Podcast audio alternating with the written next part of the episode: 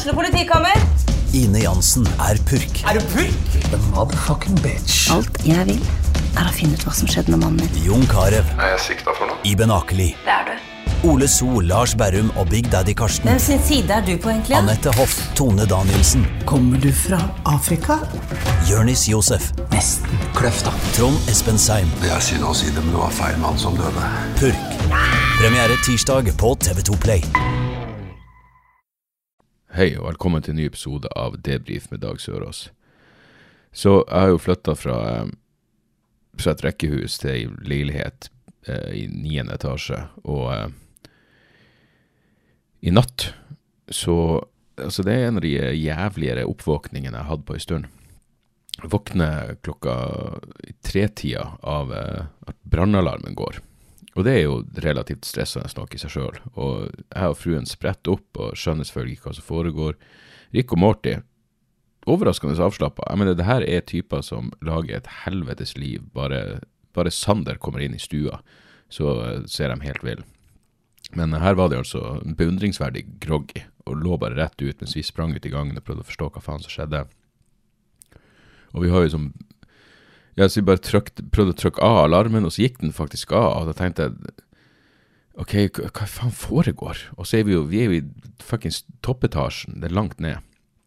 Og Sander kommer ut, og, og så har vi sånn branntavle eh, rett utfor inngangen. Så heldigvis klarer vi liksom å samle oss etter hvert og gå og se hva Og så ser vi at OK, det er ikke våres det er ikke vår leilighet, dette er i sjette etasjen at alarmen har gått. Og da står det liksom spesifisert hvilket rom det er, og Eh, så jeg bare blir sånn Hvis det var brann Og man er jo man er jo ikke helt på fucking stasjonen, for å si det mildt. Men jeg tenkte, hvis det brann, så ville vel ikke kunne man vel ikke slått av alarmen på den måten. Og hvorfor ringer det ikke ut i gangen? Jeg, klarte liksom ikke helt å skjønne hva som skjedde, så jeg bare gikk ned i sjette, og det er ingen folk der. Jeg går bort til den aktuelle leiligheten, og jeg, jeg, jeg hører ingen, uh, ingenting som skjer der og ser ut vinduet, for jeg, jeg, tenker, begynner folk å samle seg? Det er klart, man burde jo bare springe ut, selvfølgelig. Men samtidig, klokka er tre på natta, det er vinter. Og ja. Så jeg stikker hodet ut av verandaen for å se om folk begynner å samle seg nede. Det står ingen der. Eller det står én fyr og røyker, så vidt jeg kunne se. Som Hei, har det her en sammenheng? Hvem faen vet? Eh, og det går en stund, og så ser jeg bare borti eh, si, horisonten bort på motorveien eh, helvetes masse blålys. Og da, da skjønner jeg at det her er, det her er brannvesenet som er på vei. Så de kommer ned og parkerer utfor, og jeg ser at de springer ikke automatisk ut av bilen. og det, det, det, virker som det, får, som det, er ganske rolig. Men jeg, jeg, jeg, kan ikke, man kan ikke gå og legge seg før man har funnet ut hva i faen som foregår. Så etter, etter litt om og men så vandrer jeg ned i sjette etasjen igjen, og da er døra til denne leiligheten åpen. Og da er en eh, relativt fortvila fyr som bare sier at hei, det her er falsk alarm, jeg prøvde å slå av. Eh, Brannvesenet står og knoter med branntavlene i de første etasjen, og da skjønte jeg at hei. Og jeg ville tro at det her er jo eh, ja, ei, ei brannutrykning koster vel ikke ingenting for eh, fellesutgiftene. Så faen vet, men mens jeg sto der og var forbanna, så tenkte jeg ja, det er jo bra, det er jo bra systemet funker. Eh, samtidig, hvis det er falsk alarm, betyr det at systemet funker? Jeg, jeg aner ikke. Eh, men det er jo ikke så lenge siden vi har flytta inn. Jeg må ærlig innrømme at jeg ikke jeg har ikke tid til å prioritere noe så grunnleggende fornuftig som å sette seg inn i hvordan fungerer egentlig det brannsystemet. Eh, så, men i hvert fall, det gjorde jo at uh, det er faen ikke så lett å sovne igjen etter det. Du blir ganske gira. Ganske stressa. Du våkner fort. Ja, kanskje det man burde hatt som, eh, som vekkerklokke. Eh, men, eh, men, faen vet. Ellers så, så fikk jeg skikkelig mestringsfølelse i går. Eller jeg, jeg, gjorde egentlig ikke det, men jeg har en sånn Ja, jeg, jeg, har en sånn lydplanke. Og jeg vet ikke hvordan oppsettet var der vi bodde før, men jo, da hadde jeg i stua så hadde jeg bare platespilleren og så høyttalerne, og så hadde jeg bare TV-en kobla til eh, TV-en kobla til, til stereoanlegget, for vi hadde liksom en sånn TV-stue oppe i tredje, og der var, hadde den der lydplanken og subwooferen og alt det der opplegget. Eh, men nå må det samles i stua, og så er det ikke plass til både eh, platespilleren og lydplanken på det bordet. Så jeg hadde kjøpt noe sånn for å henge lydplanken opp på, eh, på veggen. I, virkelig ikke noe kompliserte saker, bare to sånne Kan man kalle det to hanker som man setter i veggen. Så jeg begynner å sende melding til Kevin, som har hengt opp alle TV-ene mine, og bare 'Du, funker denne skruen til det?' Og jeg burde bruke en sånn skru. Og så skal jeg begynne å få det her i fuckings vater. Og jeg, jeg, bare tenker sånn, hva er oddsen for at det her går bra? Men på et eller annet vis. Ikke bare Jeg, jeg vil si 100% i vater er faenskapet. Så jeg tok et bilde og sendte det stolt til Kevin, og da, da svarte han den mestringsfølelsen du har nå, den kan du bare nyte. Og jeg bare fuck. Jeg har bare skippa mestringsfølelsen, rett og slett. Men uh, det føles bra. Og det er jo selvfølgelig piece of cake og null fuckings jobb for de fleste, men jeg er veldig lite praktisk anlagt. Jeg begynner faktisk å lure på hvis jeg bare gjorde praktiske ting litt oftere. Jeg mener, jeg får det jo til på et eller annet vis. Samtidig skal det sies, da jeg tok ned, da jeg tok ned eh, TV-en i eh, gamlestua, så så jeg jo at jeg hadde jo klart å henge den opp sånn som jeg ville ha den på fjerde forsøk. Det er mye, mye hold i den, i den veggen. Men faenskapet er solgt. Så, eh, så, hvor nøye er det? Det her blir en uh, rask og effektiv episode, fordi uh, Fordi jeg skal uh, Ja. Jeg skal til Drammen i dag og ha siste gjennomkjøring av showet mitt, og så skal jeg filme det i morgen, i Jakobkirken. og på Hva er i dag? Var det i går? Jeg tror det var i går. Så fant de ut at de hadde liksom sett på hva faen skal man kalle det, Plan, planløsningen, tegningen, whatever, hvordan man skal plassere publikum. Og så Poenget er vi la ut eh, 20 ekstra billetter til hvert av showene. Det er et show 1830 og et 2130, og det er mulig det er noen, eh, mulig det er noen billetter igjen til noen av de showene. Så da vet dere det, hvis dere hører det her i, i tide og skulle få lyst til å være med på foreviggjøringa av Apokalykke i Jakobkirka. Jeg tror, blir, eh, jeg tror det blir jævlig fett. Jeg gleder meg i hvert fall eh, ja, eller gjør man, gleder man seg? Det er litt spent. Det er helvetes mye folk på jobb. Satan for et crew og et opplegg. Og ja, det her Ja, denne filminga koster penger, så vi får se hva Nå tjener man heldigvis inn uh, noe på, på rett og slett bare på, på billettsalget og alt det der, men jeg Nei, jeg bør, jeg bør, naile det, for å si det sånn. Men jeg har reist rundt med det showet i et år nå, og uh, det er sett.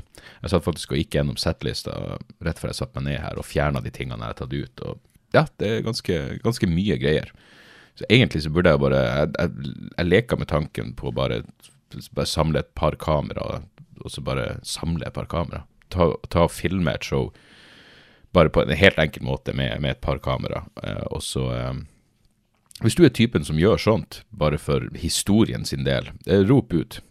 jeg kunne tenkt meg å gjort det i ja, om jeg finner en, av de små klubbene i Oslo eller et eller annet, um, og så bare filma den. Det er sikkert en Jeg vil tro det er en halvtime uh, materiale sånn cirka, som jeg, som i løpet av, i løpet av uh, turneen. For det som skjer, er jo selvfølgelig at eh, vitser bygges ut, blir lengre, blir bedre, ting blir tightere. Men det betyr også at man må fjerne en del eh, ting som Ikke daukjøtt, fordi jeg kan stå inne for alt. Altså det, alt materialet jeg gjorde på premiera, eh, var bra greier. Men det, det, det, er en del bra Det er en del fine ting som, eh, som må klippes bort. For jeg må, jeg må, holde Jeg kan ikke Det er to show, og da kan ikke jeg gå noe særlig over en og en halv time per filming. Så bare filma et show uh, på en liten klubb hvor jeg gjør alt det materialet som er klippet bort, så jeg kan få det ut også. Det hadde vært uh, kjekt på et eller annet tidspunkt. Men først Først, la oss, uh, la oss få, uh, få naila denne filminga av selve, selve showet. Jeg gleder meg jo, jeg gjør jo det. Det blir, det blir, hyggelig. Men det er jo litt ekstra. Litt ekstra press, men det her blir jo Hva blir det her? Det blir show nummer Kognitiv Ekko 1,5 Det blir femte showet jeg filmer. Ja, det er det sjette, sjette soloshowet og det femte jeg filmer. For jeg fikk aldri filma det D-dag-showet.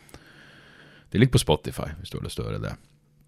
Uh, en, eh, det høres ut som jeg Jeg, jeg måtte det var en eller vits, Jo, det var noe snakk om noe gifte Eller kanskje var det en firmajobb? På et eller annet tidspunkt så måtte jeg i hvert fall lide meg gjennom et spor fra det D-dag-showet. Og det høres virkelig ut som jeg er på Cola på det opptaket. Jeg er ikke det. Jeg er bare ekstremt energisk. Jeg husker faktisk at jeg var ganske forkjølt, uh, og, uh, og døyva den, uh, det ubehaget med vodka. det var mye bra materiale på det D-dag-showet også, så jeg skulle gjerne hatt det filma, men sånn er det nå en gang. Så, så, uansett, derfor kommer jeg til å holde det her ganske så, ganske så tight. Um, ellers hadde jeg jo jeg, jeg, jeg, jeg, nevnte jo i forrige episode at jeg klikka på kundebehandleren på Posten. Uh, jeg gjorde opp for, uh, for, den dårlige karmaen her om dagen, for da skulle jeg Nordli hadde sånne tre for to-salg. Og Nordli er altså på et eller annet tidspunkt, i likhet med det meste uh, annet her i verden, så jeg vet, jeg vet, ikke hvordan det er på det illegale markedet. Har drugprisene gått opp i, i, i, tråd med matprisene og, og, priser for øvrig? Jeg aner ikke, men plutselig ble bøker så jævlig mye dyrere. Um, så jeg hadde jo brukt Book Depository bestandig, eh, trofast faen meg i 10-15 år, og så la jo dem, dem la ned. Så vidt jeg husker. Jeg tror vel det som skjedde, ja. Og da begynte jeg å bruke det ad, ad libris, ad libris, whatever. Men de har bra utvalg eh, på ja, hva en slags sære sakprosating jeg har lyst på. Og så fant jeg ut at Nordli har jo faen meg, og særlig den Nordli-butikken i, Universitetsgata, sikkert fordi det er mye studenter som er der, de har mye bra greier. Så jeg har vært innom der et par ganger. Men Nordli hadde her poenget mitt. Nordli hadde en tre for to-greier. Uh, altså kjøp, kjøp tre, betal for to bøker. Hvor du rett og slett bare legger inn alle de som uh, Ja, det blir vel sånn at du får den, den billigste av tre bøker gratis. Jeg vet da faen, men uansett, jeg bestilte vel jeg tror tolv bøker. Um, og tenkte ikke på at liksom, Da tenker jeg ja, ja, da bestiller jeg tolv bøker fra Nordli, da får jeg vel en stor pakke. Det er hyggelig. Det, det, det, da blir jeg jo nostalgisk. Det blir jo som back in the day når man bestilte fra, fra Amazon, og så fikk du alt samla. Uh, for Book Depository setter bestandig bøkene én og én. Um, men uansett, jeg får ikke jeg får ikke en stor pakke med tolv bøker. Jeg får tolv individuelle pakker. Og det begynner jo bare å samle seg opp på, eh, på posten her. Og til slutt så er det sånn, ok, nå er alle kommet. Så jeg, jeg, var sånn, ok, jeg, jeg venter til kvelden. Jeg, det blir å ta en stund, regner jeg med. Men samtidig, hvor komplisert er det egentlig? Jeg skriver ned alle de hentekodene. Det er jo fire, to, to bokstaver, to siffer. Jeg skriver bare ned alle dem på, på ei liste, og så går jeg ned på posten. Og eh, det begynner greit nok. Jeg forklarer til, jeg prøver liksom å være morsom og si jeg, jeg tror jeg skulle få én pakke, men her er tolv men jeg prøvde å understreke gang etter gang at det her er Det er tolv bøker, så, um, så, så alle pakkene er mer eller mindre likens. Det samme avsender, det er bøker. Det gidder ikke dama å høre på eller ta inn over seg, så hun begynner å se på enorme pakker, minipakker. Jeg prøver å rope hei, det, det er bare bøker. Uh, så, så hva enn som er, er innenfor samme jævla format og ser ganske likens ut. Hun gir totalt faen i det. Så hun henter, og så hun begynner med å, hver pakke hun finner, så går tilbake og legger den på disken. Og jeg er med meg en svær jævla bag så jeg begynner å pakke oppi. Og uh, kan det her Kan det gå som planlagt? Kan det gå smertefritt for seg? Selvfølgelig ikke. Hun holder på, det begynner selvfølgelig å bli kø bak meg. Uh, for uh, det er tydeligvis andre som har tenkt at åtte-ni-tida på kvelden er en bra tid å hente pakke på.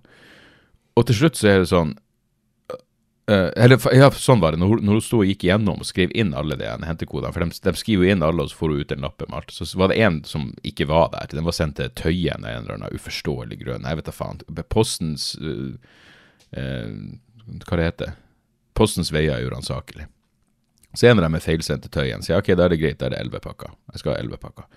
Og når hun har henta ni av dem, så sier hun nei, men det, det ene jeg ikke finner så jeg bare Det er jo i så fall to du ikke finner, for jeg har fått ni, eh, og det skal være elleve. Og da blir jeg jo veldig forvirra. Og så, i tillegg, så har jeg da selvfølgelig er to pakker til. Eh, som er de pakkene jeg ikke fikk levert her, fordi de fuckings kuksugerne fra Posten faen ikke gidda å ringe på helvetes jævla drittfolk. Hør forrige episode hvis dere lurer. Men de to ligger jo også i Posten-appen. Så på et tidspunkt så sier hun kan jeg bare få se appen din? Eh, og så jeg bare, ja, og så gir jeg jo den uten å tenke på at det ligger to pakker der som hun ikke skal hente. For etter hvert som hun har liksom henta dem, så forsvinner de i appen. Og jeg, da har jeg fått dem. Og da kommer hun plutselig med en av de det, er fuckings bokhylle-greie. Og jeg bare nei, nei, nei, den skal jeg ikke ha. Jesus, kan vi få den skal jeg ikke ha, den skal jeg hente seinere. Det blir jo forvirret. Jeg bare, de der er jævlig tung, jeg må ta dem seinere. Nå vil jeg bare ha bøkene. Jeg vil ha de pakkene jeg skrev ned på den jævla lappen. ikke sant? Men, men jeg begynner ikke sånn. Jeg klarer oppriktig å holde meg rolig, for jeg, jeg syns synd jo.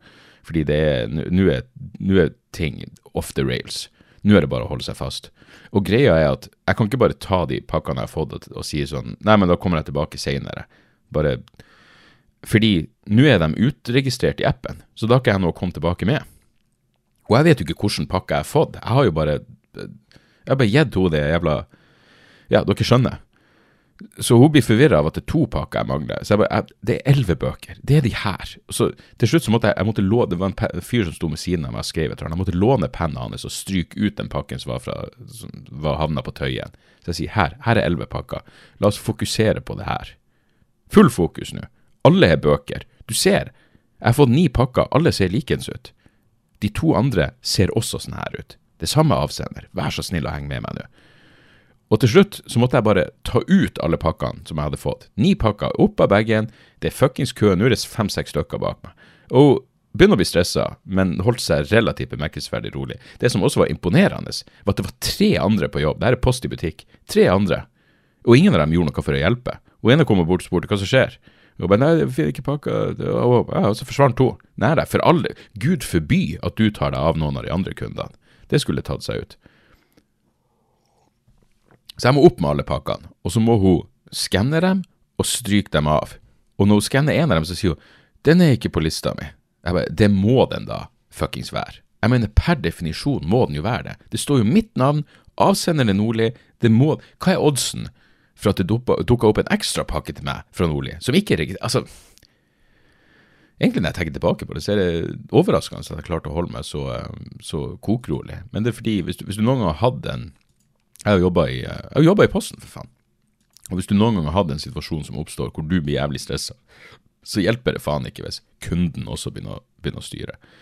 Så jeg får ut alle, og til slutt så finner vi Hun er sånn 'Den er ikke der. Jeg, jeg må begynne å se på lappen.' Jeg bare 'Det er den. Stryk av den.'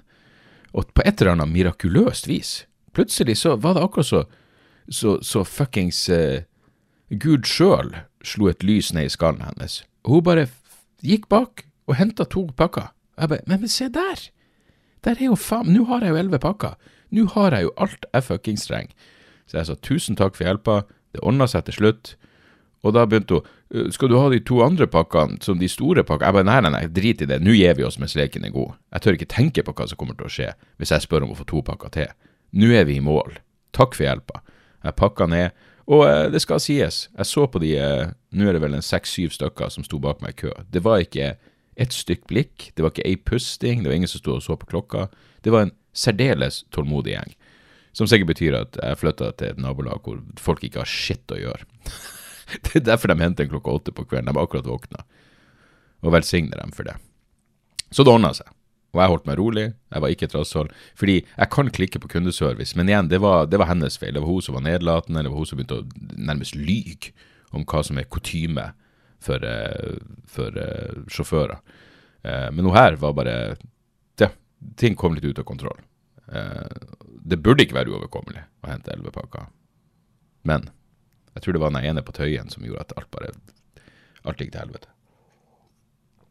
Så ellers en annen bable om. Uh, jeg, jeg prata i Patrion-episoden om Jeg har jo snakka en god del om liksom folk som man likte. Det her er jo særlig etter pandemien at det her har skjedd. Men folk som man likte, folk som man respekterte, som bare har tilta totalt og blitt eh, nærmest ugjenkjennelig. Ikke bare ideologisk, men moralsk. Uh, Matt Taibi er et eksempel som plutselig skulle uh, søke ny jobb oppe i rassholdet på Elon Musk. Uh, Glenn Greenwald er en annen kar nå som bare er, ja, som sagt, ugjenkjennelig. Og det jeg nevnte i i, um, i Patrion-episoden, er at Glenn Greenwald gikk ut og sa at uh, på denne System Update heter vel det, YouTube eller Han er vel egentlig på Rumble, selvfølgelig. Men da sa han i hvert fall, det var et klipp på YouTube hvor han sier at uh, Navalny er helt ukjent i Russland. Ingen vet hvem han er. Og det er sånn Jeg, jeg nevnte ikke det i Patrion-episoden, men, men, poenget burde jo vært Ok, for det, ja, det fant vi ut etterpå, da, men, men, men Navalny er helt ukjent. Han er ikke noen trussel mot Putin. Allikevel så har Putin nekta at Navalny skal få ha en offentlig begravelse. Hmm, merkelig. Nekta Navalny en offentlig begravelse. Og det jeg burde tenke på som, som, som, eh, som eh, motsvaret til Glenn Greenwald sin påstand om at Navalny er helt ukjent og ingen trussel mot Putin, er at hvorfor i faen sender Putin politiet ut for å banke opp sørgende folk som legger ned minneblomster til Navalny? Er det fordi han er helt ukjent? Fordi han ikke er en trussel? Å ja, ok, veldig merkelig. Eh, og hvordan Glenn Greenwood klarer jeg, Fordi jeg innbiller meg jo at han vet bedre. Det er da man liksom Det er den evinnelige utfordringa på at man ikke vet hva folk vet. Er det her ren økonomi for deg, eller har du havna i i et selskap som er helt hinsides fucked up? Og den der likestillinga, det har du hørt så mye av, bare Det er selvfølgelig én ting å likestille eller å, å, dra i sammenligning mellom ja, det hyklerske av, av, eh, av, USA og kritisere eh, Putin-regimet for å gå etter eh, opposisjonspolitikere. Altså, sånn, OK, på, på hvilken måte gjør de noe tilsvarende i USA? Er det, er det at Trump har litt eh, legale problemer? Ja, det har jo Biden også hatt, så jeg, jeg, skjønner ikke det argumentet. Og så har jeg hørt, eh, hørt det på Tim Dillon sin podkast. Han sammenligna det her med Julian Assange-saken. Og igjen, den er jo ikke sammenlignbar, men, men greit nok. Eh, det er klart Hvis du skal prate om at eh, Putin dreper eh, og hva heter hun, Politkovskaja. hun er jo bare én av mange journalister som har, regimekritiske journalister som har blitt drept. Hun ble drept for nærmer seg faen meg 20 år siden. Og, men uansett, det er jo ikke, det, er jo ikke det samme som Assange-saken. Men jeg skjønner jo det, det, er det minste en sammenligning du kan gjøre uten å være helt fuckings eh, Uten å være helt fuckings tomrom i skolten. Uh, jeg syns jo behandlinga av Assange er helt jævlig, men meg bekjent så har ikke uh, så har ikke uh, regimekritiske journalister i USA blitt skutt i sin egen trappeoppgang. enn så lenge. Hvem vet hva som skjer etter 2024? Men Poenget mitt er vel bare at dette er den type sammenligning jeg ville gjort garantert for ti år siden, som jeg nå er litt mer var imot. Uh, man kan være kritisk til amerikansk utenrikspolitikk, det amerikanske imperiet, og samtidig anerkjenne at på hjemmebane så er det ikke sammenlignbart med det som foregår i fuckings Moskva. Uh, ja, ingen stor fan av det som foregår i Washington, nødvendigvis men enda mindre fan av det som foregår. Oi, her skjedde det et eller annet på i fordøyelsessystemet. Øvre del av uh, fordøyelsessystemet. Uansett, uh, en annen interessant sak Jeg vet ikke hvor mye oppmerksomhet den fikk i Norge, men han uh, kan hete Aaron Bushnell. 25 år gammel, var vel Hva han var for noe? Altså, jeg tror han var For han var, han var i militæret, altså aktiv hva det heter han, han var ikke en eksmilitær, han, eh, han var en nåværende militær. Um, jeg tror det. Var, han ikke i Air Force eller noe? Ja, uansett. Han er fyren, 25 år gammel, filma seg sjøl når han satte fyr på seg utenfor den israelske ambassaden i Washington. Um, og det begynner jo med at han sier, det ligger jo en video ute, at han sier 'jeg vil ikke være medskyldig i folkemord'.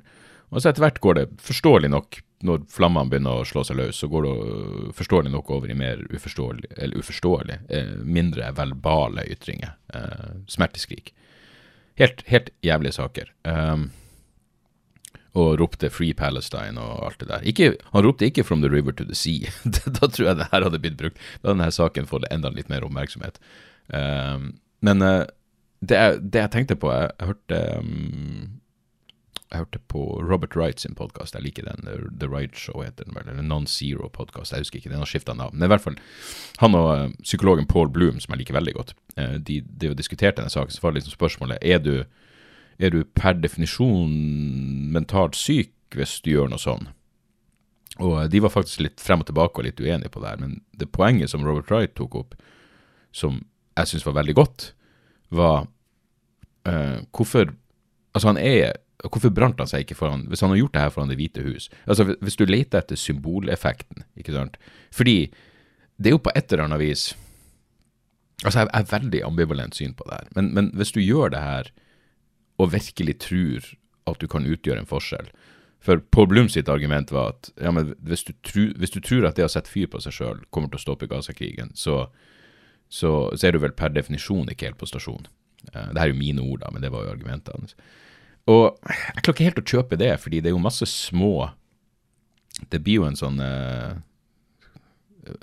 Altså, du, du venter jo på en sånn synergieffekt. Du, du, det er jo små protesthandlinger kan jo plutselig få uante konsekvenser. Det var et eller annet eksempel jeg husker jeg leste en gang om Vietnamkrigen, hvor det var noen, noe mødre mot krigen som hadde stått ute i sneen, fem stykker og demonstrert, og folk hadde bare sett på dem som ynkelige. Og så var det en, en uh, om det var en i Nixon-administrasjonen eller noe, som hadde sagt at i ettertid, når, når, de hadde hatt noen avveininger om Vietnamkrigen, så hadde han tenkt på de der damene, og det hadde påvirka han. Uansett, det var, det var et eller annet sånt. Det er jo en anekdotisk greie, men men, men det, er ikke, det, er jo ikke, per definisjon sinnssykt å tenke at små protesthandlinger kan få store konsekvenser. For det kan jo. Det klassiske eksempelet er jo han som startet den arabiske våren med å sette fyr på seg i det var vel i Tunisia.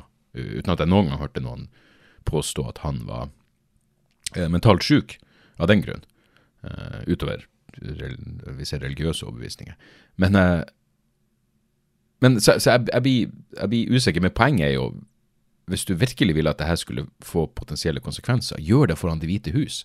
Jeg mener, Hvis han satt fyr på seg sjøl, en, en, en, en, aktiv eh, igjen, en nåværende militær som har eh, da per definisjon stor respekt i USA, setter fyr på seg sjøl og roper at han ikke vil være med Fordi det som jeg henger meg opp i, er jo um, og det prater de ikke om uh, i den uh, Robert Wright-podkasten, men han sier jo at han ikke vil være medskyldig i folkemord.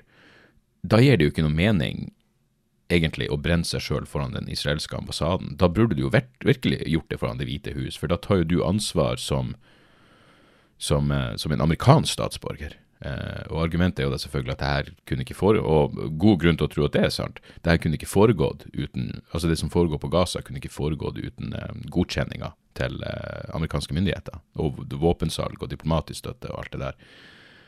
Det stemmer nok. Men hvis du vil ha de konsekvensene, så burde du kanskje ha tenkt mer gjennom det.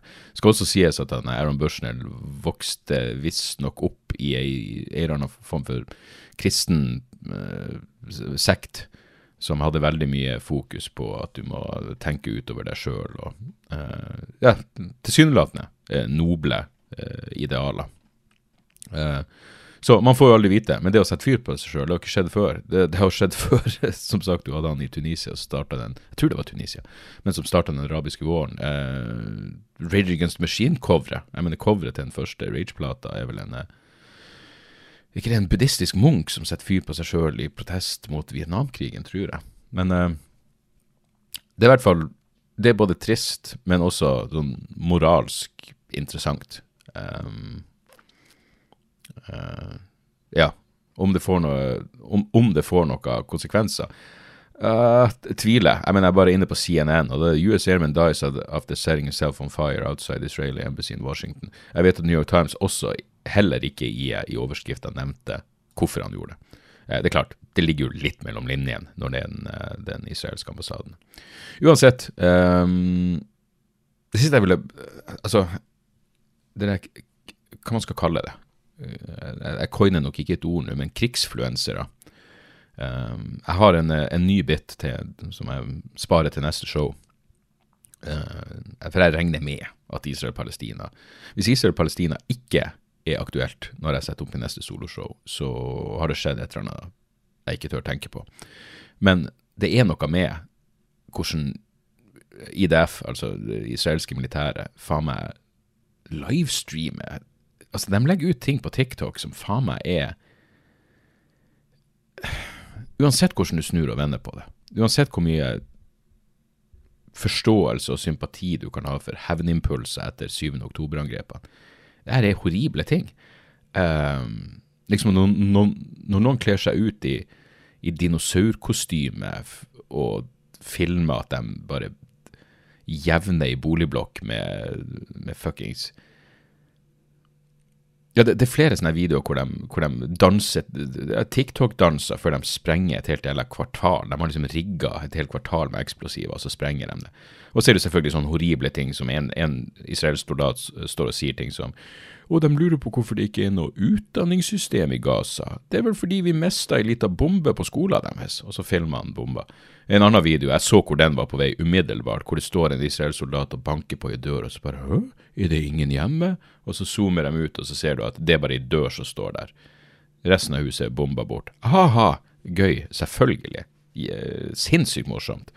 Men det er så mange eksempel på det der. Og det er altså en, et overmot når du driver og dokumenterer det her. For det er en ting at det ikke er skam involvert, men du tar det til det neste nivået. Du er faen meg offisielt stolt av det du holder på med. Og det er ikke det at ikke det er, du kan være heroiske, men altså, det her er på et annet nivå. Det her er liksom håning av en eh, nedkjempa sivilbefolkning. Og det er Ja, det er ikke uforståelig at noen unge mennesker med ekstrem samvittighet tenker at jeg vil ikke være medskyldig i det her faenskapet. Bare, bare tenk igjennom hvor du setter fyr på deg sjøl, for faen. Det er alt jeg, alt jeg ber om. Så jeg må komme i dusjen, og så må jeg komme av gårde. Skal vi se. Ja, jeg hadde noen tips helt på Det er faen meg nøyaktig på halvtime nå. Hvor proft er ikke det? Hæ? Hvor jævla proft er det? Det, det skal sies etter å ha gjort standup i faen meg Nå? Jeg er inne i mitt 22. år som komiker. Så, eh, så er det tror jeg, sånn at jeg kan, jeg kan skrive settliste og bare vite, nesten uten, uten, å tenke over det, sånn cirka hvor langt det er. Eh, I hvert fall hvis det er materialet du har gjort det litt stund. Eh, så, men, men, selv hvis det er nye ting, så vet du, du vet sånn cirka hvor lang tid det kommer til å ta. Uten at jeg skal påstå at jeg visste at det her kom til å bli nøyaktig en halvtime. For det er ikke, ikke like gjennomtenkt. Uh, uansett, et par tips på slutten. Et uh, par skiver. Her har jeg noen fuckings knalltips i forskjellige sjangre. Enten du liker det litt hardere, eller du liker det melodiøst. Og uh, ja, eneste uh, likhetspunkt er vel at det, det, det er musikk i en mørkere en mørkere sinnstilstand enn en alle liker. Men uansett, den nye skiva 'Counting Hours', 'The Wishing Tomb'. Det her er et um, et uh, finsk band som uh, har oppstått ut av asken. Sier man det på norsk? Ja, det har oppstått Det er to stykker fra et tidligere band som heter Rapture, som jeg må ærlig innrømme at jeg ikke var kjent med. Men jeg er veldig kjent med melankolsk, finsk, tung uh, Sted mellom rock og metal. Noen kaller det sånn melodoom og Du har liksom melodi, altså melodiøs doom det er også litt death metal-vokal til tider, men først og fremst er det bare det her, hvis du liker Katatonia eh, Jeg så i en anmeldelse at Dawn of Solace ble nevnt som et uh, referansepunkt. Absolutt. Hvis du liker Dawn of Solace, så kommer du til å elske det her. Uh, det, det, er noe, det, det, er noe, herlig skandinavisk tristesse. Det, er noe Av og til slår det meg at man sier ord Tristesse, det blir jo rett. Ja, ja. Tristesse eh, sørgmodighet. Det er sørgmodig musikk enn noe annet, eh, men også jævlig vakker. Og som jeg ofte sier, dermed oppløftende. Eh, og eh, det, er 50 minutter med uten dødpunkt. Det er rett og slett ei, ei, eh, helt eh, strålende, strålende, strålende skive. Så det kan anbefales på det varmeste for dere og dere som liker det litt Ja, det er, igjen, det, det, er fortsatt vinter ute. Det er fortsatt i høyeste grad årstida for det her. Det er ikke noe, er ikke noe du nødvendigvis setter på på en sommermorgen. Men uh, ja, dritbra skive. 'Counting Hours', 'The Wishing Tomb'. Og så, for de som liker litt mer uh, folk, singer-songwriter, den nye skiva til Amigo the Devil. Den heter 'Yours Until The War Is Over'. Den er faen meg Det er nok den skiva jeg har hørt mest på uh, de siste ukene. Helvete, den er bra. Og det er noe Altså, det er veldig Tom Waits til tider. Uh, det er noe greier hvor du bare tenker han her fyren har hørt på Murder Ballads av, uh, av Nick Cave. Men uh, det her er vel den tredje skiva hans, og uh, jeg likte den, den, forrige også veldig godt. Jeg tror det var, det var den som bare var en sånn seriemorderskive. Men, men, det er melodier, det er vakkert. Det, det, er sinnssykt mørke tider. Jeg mener, du, det, det, er en låt som heter 'Garden of Leaving', som uh, jeg har tørka tårer til. Tre ganger jeg har hørt den. Som handler om noen som Ja, du kan bare høre det. Hvis du hører låten 'Garden of Leaving' og ikke blir litt rørt, og så er det en låt som heter 'Cannibal Within', men så er det også det er humor i det, og eh, ja, dere skjønner jo. Eh, det var ei tekstlinje som bare uh, Skal vi se Det var Does the hammer hit harder with a purpose? Or is it driven by the fear of the nail? Ja, jeg liker den. Uh, og så er det noen låter som bare er sånn Ja, igjen, det, det, det er som Murder Ballads, ikke sant. Once Upon a Time in uh, Texaco. Dritbra. Og har en sånn en melodilinje i refrenget som bare Åh, det er så inn i helvete catchy. Uh, så ja, hvis du, hvis du, liker alt fra alt fra eh, sånn klassisk eh, country singer-songwriter-greier til litt mer sånn wacky eh, Tom Waits. Det er i hvert fall Tom Waits den eneste referansen jeg finner for, for akkurat akkurat den type musikk. Hva faen heter den låten nummer to? Jeg tror den heter It's Over, eller noe sånt. Og da har han også ei tekstlinje som bare er så jævlig fin, som bare er um, The only life that's ever live, really worthless is the one without a story to tell, eller et eller annet sånt. Liksom, ja. Sikre, sikre deg nå i det minste at du har ei god historie i, eh, i, i banken før du, eh, før du, sjekker ut. Dritbra. Og så vil jeg anbefale dokumentaren eh, som jeg omsider så nå, 20 dager i Mariupol, som er, ja, som tittelen sier, en fyr, en journalist som er i Mariupol i det, den byen i i, i, Ukraina. Som da ble uh, Den invasjonen fikk ganske mye oppmerksomhet. Den er vel helt Hvor er den? Sør Sørøst blir det vel, i Ukraina. Jeg er ganske sikker på. Så han er liksom der fra starten av helt til, til, til russerne er på plass i sentrum, og da må han stikke. Og det er Hvis du noen gang trenger liksom, Når en krig varer lenge, man glemmer av hvor horribelt det er, og hva som faktisk står på spill, da er det fint med ei lita ei lita Jeg har full forståelse for folk som bare ikke har lyst til å tenke på sånne ting også. De er garantert så sikkert bedre om natta. Men, men uh, hvis du uh, har lyst til å følge med på hva som foregår i verden, og vil ha en liten, uh, liten påminning på hvor jævlig den krigen er, uh, så kan den dokumentaren anbefales. Det er ikke noe, noe feel good-dokumentar, for å si det sånn. Og hvis du skipper den, så sover du sikkert bedre på natta. Men du blir også våkne med et helvetes rykk hvis brannalarmen går klokka tre på natta. Så jeg håper de finner ut hva som, hva som skjedde der. Uansett, eh, jeg gleder meg til å se noen av dere i Drammen i kveld. Eh, I går, ærlig talt, for, eh, for, de fleste av dere. De av dere på Patrion får episoden nå umiddelbart. Eh, men resten av dere eh, Showet i Drammen er over, men jeg glemmer til å se mange av dere på filminga. Eh, det blir noe skjorte. Hanne tar med noe skjorte, i hvert fall i large og extra large, og bare legger ut i gangen eller noe, så det er bare å forsyne seg. det er noe skjorte som jeg trykte opp i forbindelse med Ekkokammerturneen Nei, Kognitiv dissonansturneen back in the day. Så det er bare å, bare å forsyne seg. Jeg burde jobba litt mer med trykket på skjorten, altså bare motivene, men skjorten er fuckings kvalitet. Så, eh, så der, så. Uansett, eh, vi høres snart igjen. Jeg håper ting er bra på deres ende også. Eh, vi høres. Tjo og hei. Har du et enkeltpersonforetak eller en liten bedrift? Da er du sikkert lei av å høre meg snakke om hvor enkelt det er med kvitteringer og bilag i fiken, så vi gir oss her, vi. Fordi vi liker enkelt. Fiken superenkelt regnskap.